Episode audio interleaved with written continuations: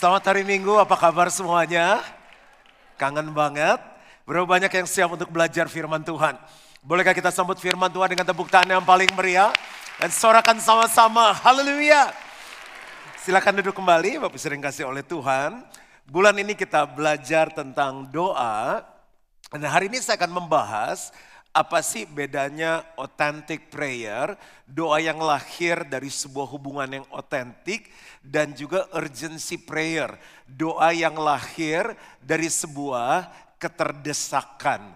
Siapa Bapak Ibu Saudara yang hadir hari ini pernah ngalami hidup itu lagi kepepet, terdesak, crucial, critical, emergency. Wow, saya juga ngalami dan surah jangan berpikir bahwa kita yang khotbah nggak mengalami hal-hal seperti ini. Selama kita hidup kita pasti mengalami. Dan saya biasakan setiap kali mengalami hal ini saya catat, saya foto, saya dokumentasikan. Setiap kali saya melewatinya, saya mulai catat dalam jurnal saya. Ada beberapa hal yang saya ingat waktu saya terdesak. Misalnya contoh 26 Februari 2009 saya lagi khotbah dalam retreat leaders, tiba-tiba istri saya harus melahirkan secara prematur dan anak saya lahir dengan berat badan 1,4 kilo, ada fotonya di depan dan tiga kali berhenti nafas. Kalau kita lihat waktu kecil kepalanya bolong, dokternya bilang nanti matanya mungkin punya gangguan dalam melihat dan sebagainya. Tiga kali berhenti nafas dipanggil oleh dokter anak yang selama tujuh tahun kita nantikan, lalu kita ketemukan dalam keadaan seperti itu. Wah rasanya tuh terdesak sekali, kepepet sekali. Berdoa? Ya berdoa. Waktu saya terdesak, saya berdoa. Lagi, misalnya waktu bulan September 2019, waktu itu saya lagi makan siang, Pastor Victor Waang dari ICC minta diperkenalkan dengan Pastor Jeffrey, Pastor Jose dari JPCC, untuk ngundang dalam uh, retret pernikahan. Jadi saya aturkan makan siang, relax di Plaza Indonesia. Lalu saya mau balik ke kantor, mau kerja. Saya pencet Google Maps, aman 35 menit sampai. Di tengah jalan di MPR, tiba-tiba stuck. Udah ada tank, udah ada orang berantem, segala macam. Dan saya berhenti stuck persis di depan kejadian itu. Tujuh jam saya berhenti, mungkin udah ada 4-5 botol aqua isi kencing saya jadi buang aqua untung di mobil selalu stok botol air minum. Lalu di tengah situasi yang seperti itu, saya bukan hanya berdoa, saya juga minta hikmat. Saya cari pertolongan, telepon teman, ada kenalan polisi dan lain-lain. Saya call Pastor Hendy, saya bisa dibantu nggak ya? Ini persis di depan saya mobil dibakar, dihancurin, diinjek-injek. Dan itu kerusuhan di depan mata saya. Dan apa yang terjadi? Ternyata mereka bisa monitor, ya kami lihat posisi mobilnya Pastor Juan, tapi selama tujuh jam nggak ada yang berhasil jemput saya. Kita lihat sebentar video ini. Tujuh jam,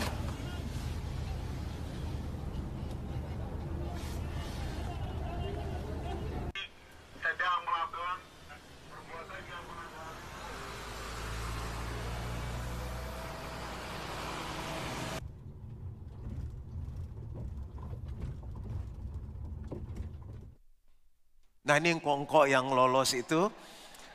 Dan dalam keadaan terdesak itu ya saya berdoa ya mau gimana lagi. Besoknya saya harus terbang ke Sydney. Saya pikir udah saya selesai di sini. Itu orang ngeri. Nyalain radio saya bilang sama pengemudi. Wah itu di mana-mana udah stuck. Masa dari depan, masa dari belakang. Polisi aja tahan, tahan, serbu, serbu. Wah itu lutut udah lemes. Nah di situ saya ngerti bahwa penting sekali yang namanya doa saat kita terdesak lagi. Jadi saya punya banyak koleksi. Masih ingat bulan Maret pulang dari retreat leaders di Pullman, FCL Gathering. Lalu tiba-tiba kita dapat berita bahwa uh, situasi itu nggak aman. Dalam 10 menit saya harus putuskan apakah besok mau kebaktian atau tidak.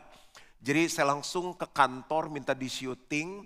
Besoknya harusnya khotbah Pastor Jeffrey Rahmat, saya telepon Pastor Jeffrey nggak bisa khotbah, kita tutup kebaktian. Oh mau tutup, jadi kita gereja pertama tuh yang tutup.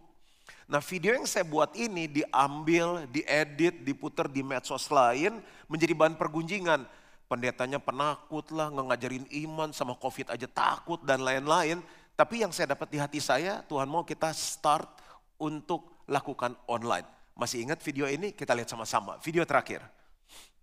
Salam sejahtera Bapak Ibu Saudara yang dikasih oleh Tuhan. Saya Pendeta Juan Mogi dari GBI Gilgal ingin memberikan pengumuman bahwa besok hari Minggu tanggal 15 Maret 2020 kami tidak mengadakan kebaktian di Gilgal Center. Untuk itu Bapak Ibu Saudara bisa mengikuti kebaktian secara online atau streaming di YouTube GBI Gilgal. Mengapa kami memutuskan hal ini? Yang pertama, karena pemerintah memberikan himbauan sebisa mungkin kita tidak berkumpul di dalam keramaian. Yang kedua adalah untuk mengantisipasi keadaan sekarang supaya kita tetap sehat. Tetap semangat ya, Tuhan memberkati. Ini kejadiannya di bulan Maret 2020. Kita tanya kok yang ngomong kecil badannya itu tiga tahun yang lalu. Oleh anugerah Tuhan ada pertumbuhan secara alamiah. Nah kita sekarang ketawa setelah melewati tapi selama dua tahun itu nggak ada kebaktian yang ada adalah perjuangan, yang ada adalah pergumulan. Kita saat itu harus uh, bertanggung jawab untuk pengambilan tanah yang ada di Gilgal Center 2. Dan Keadaan yang begitu sulit, nggak ada kebaktian, begitu banyak orang ditolong, pendeta-pendeta mulai meninggal, banyak orang yang susah. Tapi dalam keadaan terdesak seperti itu, saya lari sama Tuhan. Dan di situ saya mengalami pertolongan Tuhan. Tanpa dirasa waktu lewat dan tujuh bulan lagi, cicilan kita di GC2 akan selesai. Dan minggu depan kita akan, sorry bulan depan kita akan pancang untuk Gilgal Center 2 Bapak Ibu Saudara begitu banyak keterdesakan yang saya mungkin gak cerita secara detail, tapi itu saya jalani bersama dengan Tuhan. Saya gak tahu apa yang kita alami saat ini. Bagus gak kalau lagi terdesak kita doa? Bagus banget. Kalau udah susah nggak berdoa, menurut saya sih keterlaluan sekali. Nah masalahnya kalau kita cuma datang sama Tuhan berdoa saat terdesak hubungan kita kayaknya menurut saya perlu ditingkatkan karena waktu saya pelajari hubungan saya sama Tuhan ada berbagai hubungan. Saya ambil aja beberapa contoh. Misalnya hubungan kita antara kita sebagai anak dan dia sebagai bapak. Hubungan apa lagi? Kita itu sebagai mempelai. Kita mempelai wanita, Kristus sebagai mempelai pria. Lalu hubungan sebagai sahabat. Yesus adalah sahabat kita yang sejati. Apalagi misalnya kita menjadikan dia juru selamat artinya yang menyelamatkan hidup kita. Tapi jangan lupa sampai di situ dia juga adalah Tuhan. Nah, coba dari empat contoh ini kalau saya mulai gambarkan, kita datang dalam empat hubungan ini hanya waktu terdesak. Anak sama bapak.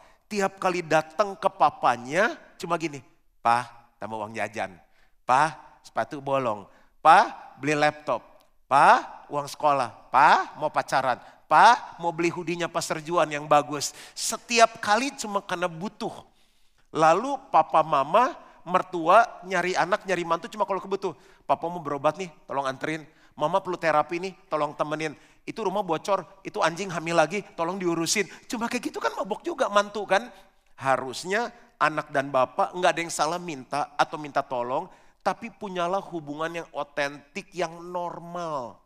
Contoh lagi mempelai Suami-suami kalau istri cuma baik sama kita datang pas akhir bulan kan gak enak juga.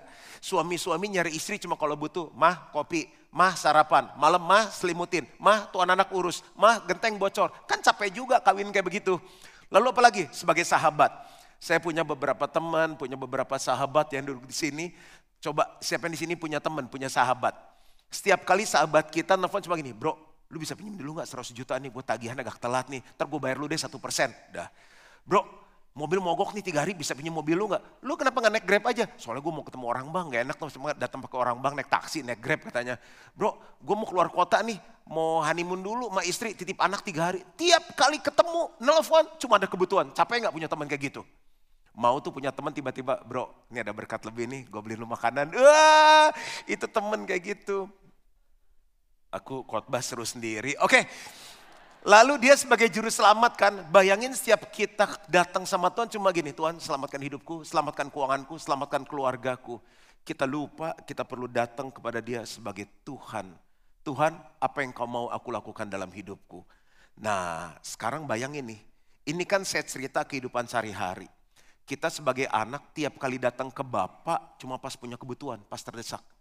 Kita datang sebagai mempelai ke mempelai pria cuma kalau terdesak. Jadi Tuhan setiap kali lihat muka kita, kita mulai datang, Bapak kami yang di surga. Malaikat tuh, tuh, muka kebutuhan tuh, tuh kebutuhan mendesak tuh, tuh urgent tuh, tuh kritis tuh, tuh udah, udah stadium 3 tuh. Kan gak enak.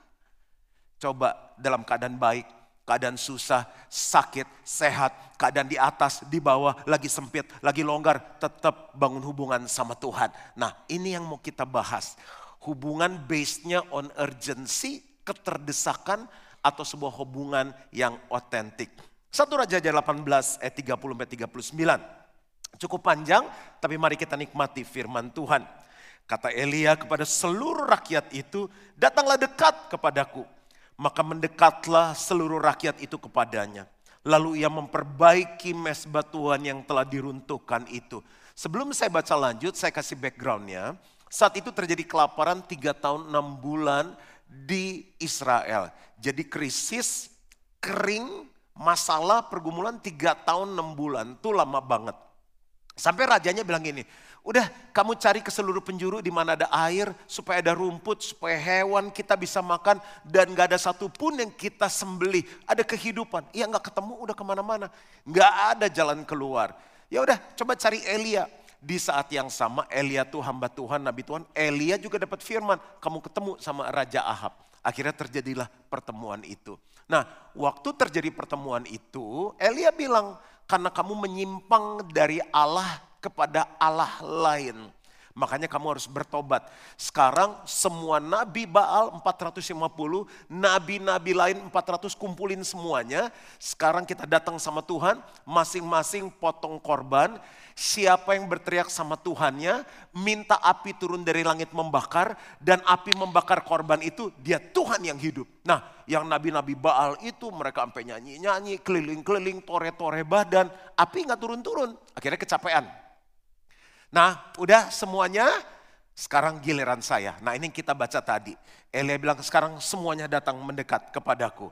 Berikut ayat 31. Kemudian Elia mengambil 12 batu menurut jumlah suku keturunan Yakub. Kepada Yakub ini telah datang firman Tuhan, engkau akan bernama Israel. Ia mendirikan batu-batu itu menjadi mesbah demi nama Tuhan dan membuat suatu parit sekeliling mesbah itu yang dapat memuat dua sukat benih. Ia menyusun kayu api, memotong lembu itu dan menaruh potongan-potongan di atas kayu api itu. Setelah itu ia berkata, penuhilah empat buyung dengan air dan tuangkanlah ke atas korban bakaran dan ke atas kayu api itu. Kemudian katanya, buatlah begitu untuk kedua kalinya. Dan mereka berbuat begitu untuk kedua kalinya. Kemudian katanya, buatlah begitu untuk ketiga kalinya. Dan mereka berbuat begitu untuk ketiga kalinya. Sehingga air mengalir sekeliling mesbah itu, bahkan parit itu pun penuh dengan air. Ayat 36, kemudian pada waktu mempersembahkan korban petang, tampilan Nabi Elia dan berkata, Ya Tuhan Allah Abraham, Ishak dan Israel, pada hari ini biarlah diketahui orang bahwa engkaulah Allah di tengah-tengah Israel dan bahwa aku ini hambamu dan bahwa atas firmanmu lah aku melakukan segala perkara ini. Jawablah aku ya Tuhan, jawablah aku supaya bangsa ini mengetahui bahwa engkaulah Allah ya Tuhan. Dan engkaulah yang membuat hati mereka tobat kembali. Lalu turunlah api Tuhan menyambar habis korban bakaran, kayu api, batu dan tanah itu. Bahkan air yang dalam pahit itu habis dijilatnya. Ayat 39 kita baca sama-sama, dua, tiga. Ketika seluruh rakyat melihat kejadian itu, sujudlah mereka serta berkata, Tuhan dialah Allah. Tuhan, dialah Allah. Nah dari Fatsal ini kita mau belajar bagaimana membangun kehidupan doa yang otentik dan bukan hanya doa yang karena terdesak. Kristen awal oke, okay. Kristen bayi, Kristen anak seperti itu oke. Okay. Tapi kita harus beralih menjadi jemaat yang kuat, jemaat yang dewasa. Yang pertama, tegakkan otoritas. Tegakkan otoritas. Ayat 30a dan B. Kata Elia kepada seluruh rakyat itu, datanglah dekat kepadaku, maka mendekatlah seluruh rakyat itu kepadanya. Hari itu terjadi kekacauan. Jadi orang menyembah Allah-Allah lain, menyembah berhala. Berhala apa sih dalam konteks modern? Segala sesuatu yang kita taruh di tempat paling tinggi, lebih tinggi dari Tuhan. Kita curahkan semua waktu, keuangan, tenaga, pemikiran kita kepada hal itu. Apa aja, hobi, keluarga, bisnis, gadget, media sosial, itu bisa menjadi berhala kita. Yang menghalangi kita punya hubungan otentik sama Tuhan adalah berhala-berhala itu. Tegakkan otoritas artinya apa? Mulai besok bangun pagi, mulai besok bangun pagi, walaupun gak ada masalah, cari Tuhan. Bapak ibu saudara kalau bangun pagi cari apa? Apa tadi? Cari handphone, ya ampun jujurnya luar biasa. Orang jujur masuk surga semuanya, tapi nanti bertobat sama-sama. Cari handphone update, status berapa yang like nih. Weh tagihan udah macet belum nih, udah pesen pepaya 4, mangga 7, rujak 9 belum bayar. Lihat saham, lihat pacar udah balas WhatsApp belum. Emang kalau susah pacar bisa nolong? Emang kalau tagihan udah macet, mau ditagih juga, nggak ada duit, mau apa lu? Kan nggak bisa. Besok pagi tegakkan otoritas, cari Tuhan. Ada yang cari kopi? Ada yang cari istri? Kalau pastor gimana? Pastor bangun pagi kencing dulu. Jadi udah belakangan ini udah lumayan nahannya dulu kan bisa lima kali, empat kali, udah mulai dua kali. Jadi harus kencing dulu biar doanya konsen. Di tempat tidur itu, kalau enggak di kursi depan yang sepi, di sofa, di ruang tamu. Saya bilang terima kasih Tuhan untuk hari ini. Ini hari yang Tuhan jadikan aku mau bersuka cita bersorak-sorai di dalamnya. Ini hari Tuhan yang punya, hari ini ada karena Tuhan. Aku mau jalani hari ini bersama dengan Tuhan. Tuhan yang memimpin hidupku, Tuhan pegang tanganku. Bayangin kalau setiap orang bangun pagi seperti itu, lagi nggak ada masalah, lagi nggak ada apa-apa. Itu adalah langkah awal membangun sebuah hubungan yang otentik. Mengakui bahwa Yesus adalah juru selamat dan Tuhan atas hidup kita. Tuhan aku mau bisnis, pimpin aku hari ini. Tuhan aku mau sekolah, pimpin aku hari ini dan kita akan merasakan pimpinan Tuhan. Kalau enggak kita jalan menurut jalan kita, kita lakukan apa yang kita mau. Mulai hari kita dengan Tuhan. Suami-suami, kepala keluarga, ajak istri kita worship sama-sama. Elia bilang apa? Datanglah mendekat kepadaku. Saya sama istri tanya, Lus kita bisa worship jam berapa? Yuk kita doa sama-sama. Itu sendiri ada, sama istri ada, sama anak biasanya malam. Saya bilang Carisa kita mau doa jam berapa? Nanti dia selesai PR dulu jam 9.15. Oke di kamar kamu atau di kamar Dedi? Di kamar Ai katanya. Anak sekarang kalau ngomong tuh Ai. Oke, Dedi ke kamar you. Terus itu kita doa sama-sama, sharing firman. Kadang sampai udah teler, dia nanya firman, kita diskusi. Bapak ibu saudara, itu cara yang paling natural membangun hubungan, dibuat disiplin, dibuat seperti gaya hidup. Siapa yang mesti manggil suami? Lai, lai, mari datanglah mendekat kepadaku. Panggil anak, panggil. Kalau kita masih sendiri, mulai sendirian. Para manajer, para supervisor, kepala cabang, pokoknya kepala. Di bawah kita udah dua orang, kita kepala Apalagi pemilik perusahaan. Setiap pagi panggil mereka. Kita di kantor setiap pagi mulai doa dulu. Situ kan gereja. Gereja kan punya Tuhan. Emang perusahaan saudara punya siapa? Punya Tuhan dititipin sama kita. Tuhan bilang selesai, selesai loh. Nggak boleh sombong. Jadi kita cuma nama presdir, owner. Yuk hari ini kita mau berdoa. Loh Pak nggak toleransi dong. Nanti ada yang nggak sama kepercayaan bilang. Mari berdoa menurut kepercayaan masing-masing. Dan kita akan melihat Tuhan yang hidupnya akan menjawab doa kita. Terus doanya ngapain bilang gini, Bapak di surga hari ini bisa ada karena Tuhan. Semuanya dari Tuhan, oleh Tuhan, untuk Tuhan. Hari ini kami buat perencanaan, tapi kami minta pimpinan Tuhan. Kami percaya kalau Tuhan sudah buka, nggak ada yang bisa tutup. Tuhan sudah angkat, nggak ada yang bisa turunkan. Hari ini ada berkat, ada customer yang baru, semua orang diberi kesehatan, diberikan hikmat, inovasi, kreativitas, semuanya nama Tuhan dipermuliakan. Dalam nama Yesus, amin. Buh, itu atmosfer beda. Tadi siang udah banyak yang bertobat pada, ya pastor, wah selama ini kita main buka udah langsung, eh gimana order, gimana omset, gimana tagihan. Yang ada berantem, baru mulai kantor udah berantem, udah panas. Coba kalau kita mulai dengan doa. Tanya, ada kesulitan? Sharing satu ayat. Nggak harus amin sih, ini cuma nasihat. Tegakkan otoritas. Ala bisnis kita cuma dua tiga orang, makanya nggak jadi dua ribu tiga ribu karyawannya dua tiga aja lu males doa. Allah baru omset 20 juta, makanya nggak 2 triliun. Mulai dengan Tuhan. Kalau kita mulai dengan Tuhan, kita pertahankan dengan Tuhan, dan kita akhiri sampai selesai bersama dengan Tuhan. Mulai dengan Tuhan. Bayangkan kalau di bangsa ini, setiap pemimpin mengandalkan Tuhan. Bangun hubungan yang otentik. lagi seneng, lagi susah, lagi nggak ada apa-apa. Doa. Pemimpin gereja tegakkan otoritas nggak? Tegakkan. Bapak Ibu, ada morning with Jesus. Tanggal udah tiga bulan nggak ke kantor. Tanggal berapa sekarang morning with Jesus ya? Ada, pokoknya cek di baru dua kali sekarang. Oke, nggak apa-apa. Yang penting ditegakkan. Family cell leader jangan takut. Kak, kak, om, jangan aja cek doa lagi. Tegakkan otoritas. Saya mengajak setiap family cell member saya untuk morning with Jesus sama-sama. Yang untung siapa? Mereka yang untung. Daripada gini udah kering 3 tahun 6 bulan baru cari Tuhan, mendingan dalam keadaan baik kita cari Tuhan. Yang kedua, perbaiki mesbah ayat 30C. Lalu ia memperbaiki mesbah Tuhan yang telah diruntuhkan itu. Begitu mesbah rusak, berhala masuk. Begitu mesbah nggak dibangun, yang lain masuk. Anak kita harus kita jaga dengan apa? Dengan mesbah. Keluarga kita, bisnis kita dijaga dengan apa? Dengan mesbah. Apa sih artinya mesbah? Mesbah adalah sebuah tempat untuk mempersembahkan korban. Kebanyakan orang Kristen mentalnya terima. Tuhan bisa kasih apa dalam hidupku? Kasih kesehatan, kasih perlindungan, kasih untung, kasih cuan. Mesbah bukan tempat menerima, mesbah tempat mempersembahkan korban. Sebuah korban pujian, sebuah korban syukur. Kita duduk, dengarkan Tuhan. Mesbah adalah tempat untuk mengingat kebaikan Tuhan.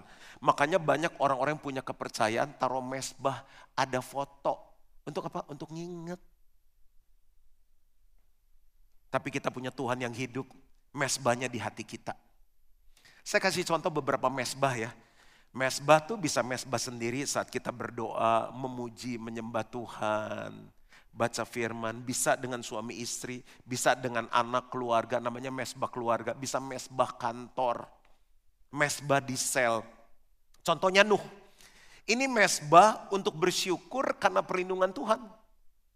Jadi Nuh itu bergaul karib sama Tuhan, dia dapat kasih karunia dari Tuhan. Satu-satu Tuhan bilang sama Nuh gini, Nuh kamu naik ke atas gunung, bangun bahtera ukuran sekian, sekian, sekian, bawa masuk semua hewan, aku membinasakan bumi ini, karena bumi udah jahat semuanya, tapi kamu dan keluarga akan selamat. Singkat kata air bah datang ke bumi, Nuh selamat.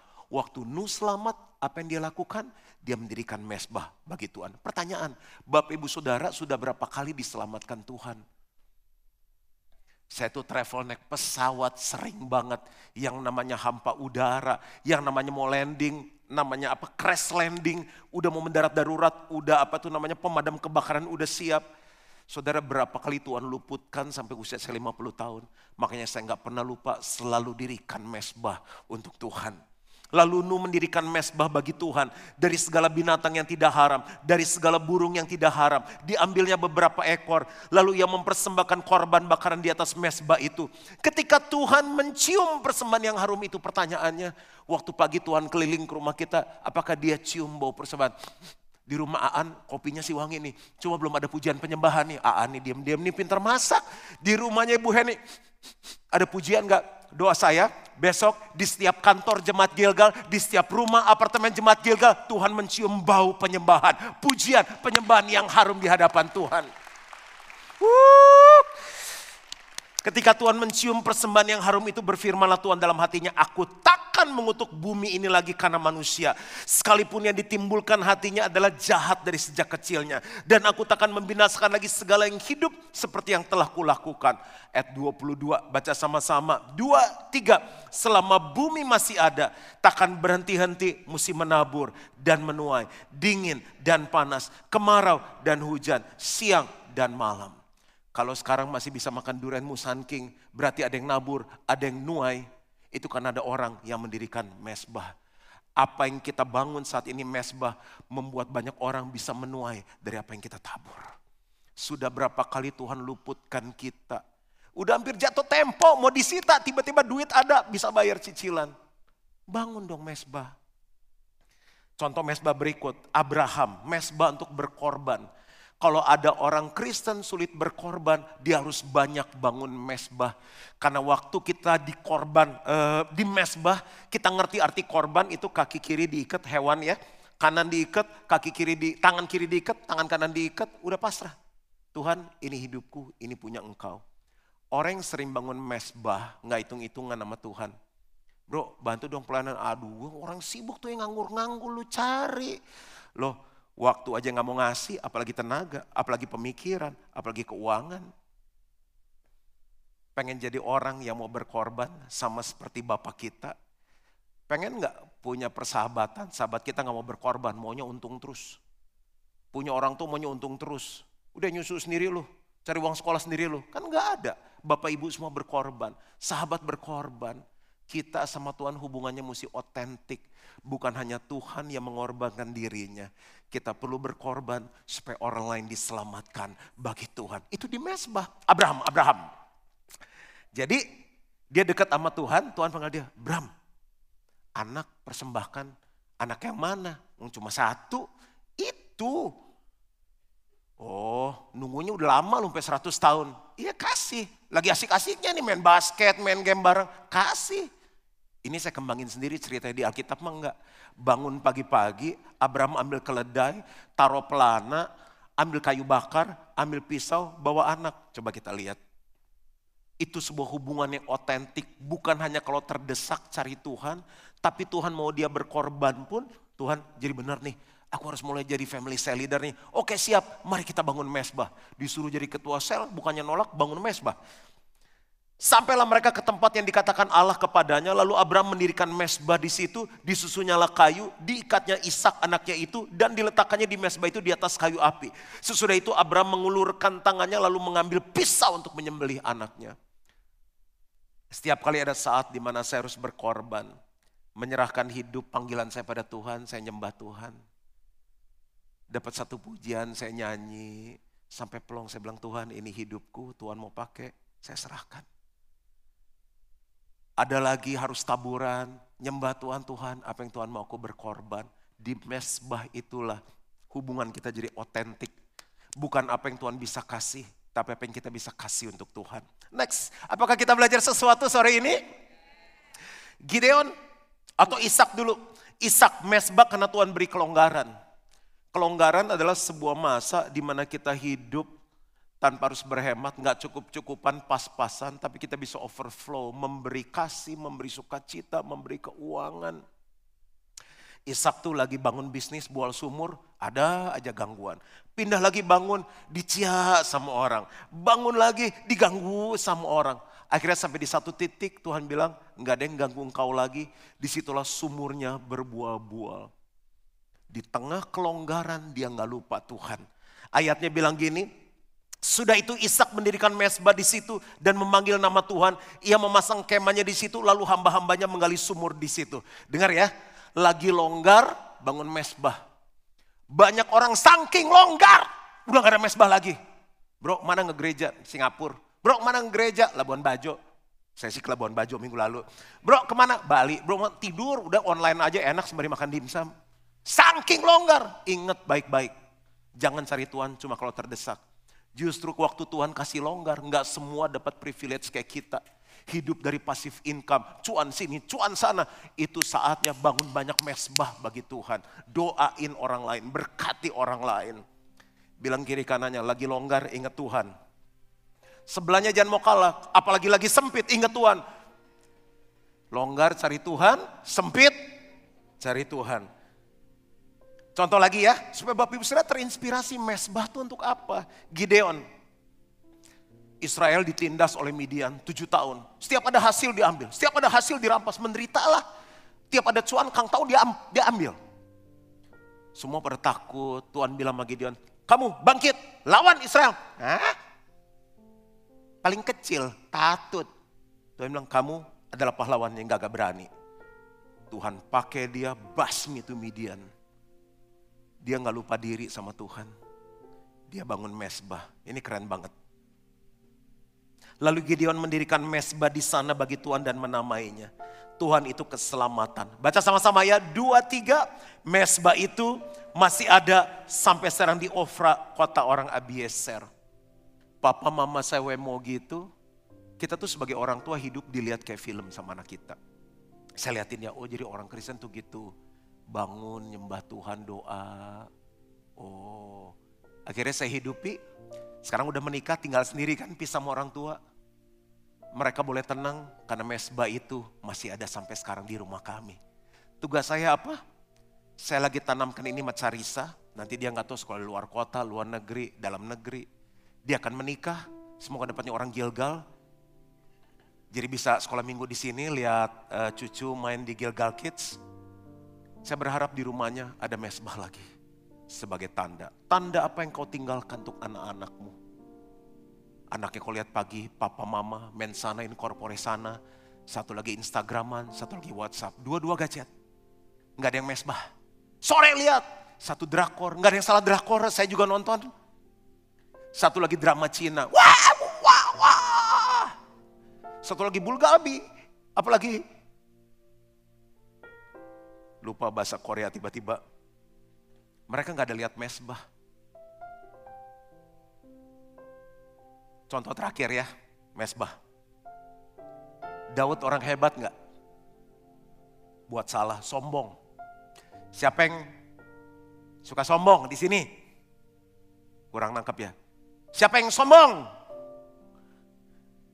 Orang sombong nggak tahu dia sombong. Tuhan bilang kamu sombong, kamu hitung jumlah pasukanmu, kamu rasa hebat. Hukuman, ada tiga hukuman. Kalau Bapak Ibu jadi Daud bantu pilih tiga hukuman ini. Pertama, tiga tahun kelaparan. Siapa yang pilih nomor satu? Kebaktian sejam aja belum selesai, bro makan di mana lapar gila tuh pendeta khotbah. Baru kebaktian satu jam udah WhatsApp makan di mana. Ini pasti udah lewat deh sama kita.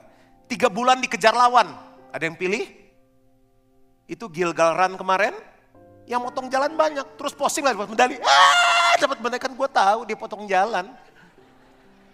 Lari nggak dikejar aja capek, dia tiga bulan dikejar lawan. Pilihan ketiga, tiga hari penyakit sampar. Ayo pilih yang mana, nggak ada yang gampang.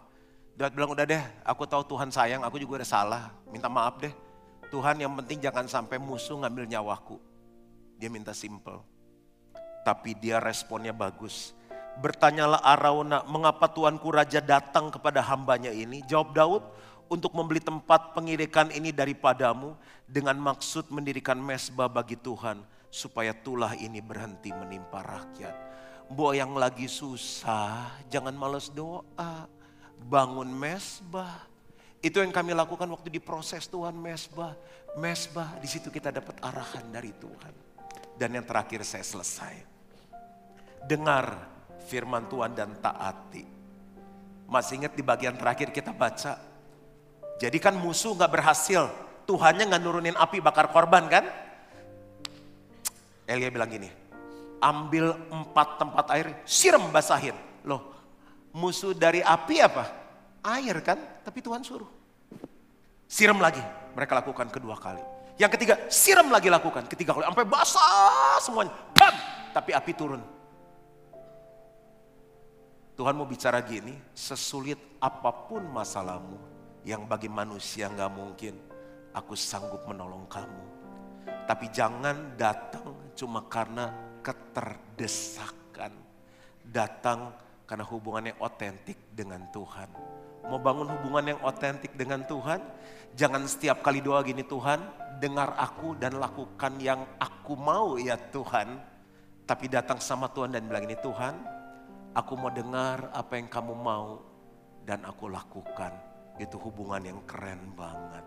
Doa saya, GBI Gilgal punya hubungan yang otentik dengan Tuhan Tuhan memberkati.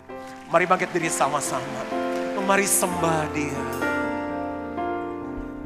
Satu hal yang ku rindukan ya Tuhan Selalu berada ada nggak kerinduan itu di hatimu? Dengan segenap hati Dengan segenap jiwa Ku menanti di hadiratmu Yang mulai jauh, mari datang mendekat sama Tuhan. Satu hal yang ku rindukan ya Tuhan Datang dengan hubungan yang otentik. Selalu berada dekatmu Bukan kalau lagi terdesak, terjang, kritis. hati, Dengan segenap jiwa Ku menanti di hadiratmu Yuk sama-sama. Lebih dalam.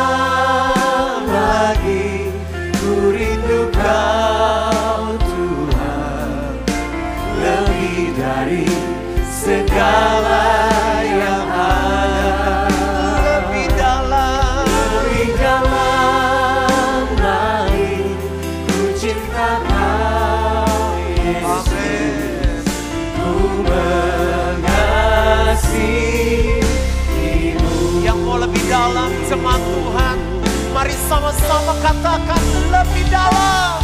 Lebih dalam lagi ku rindu kau Tuhan Lebih dari segala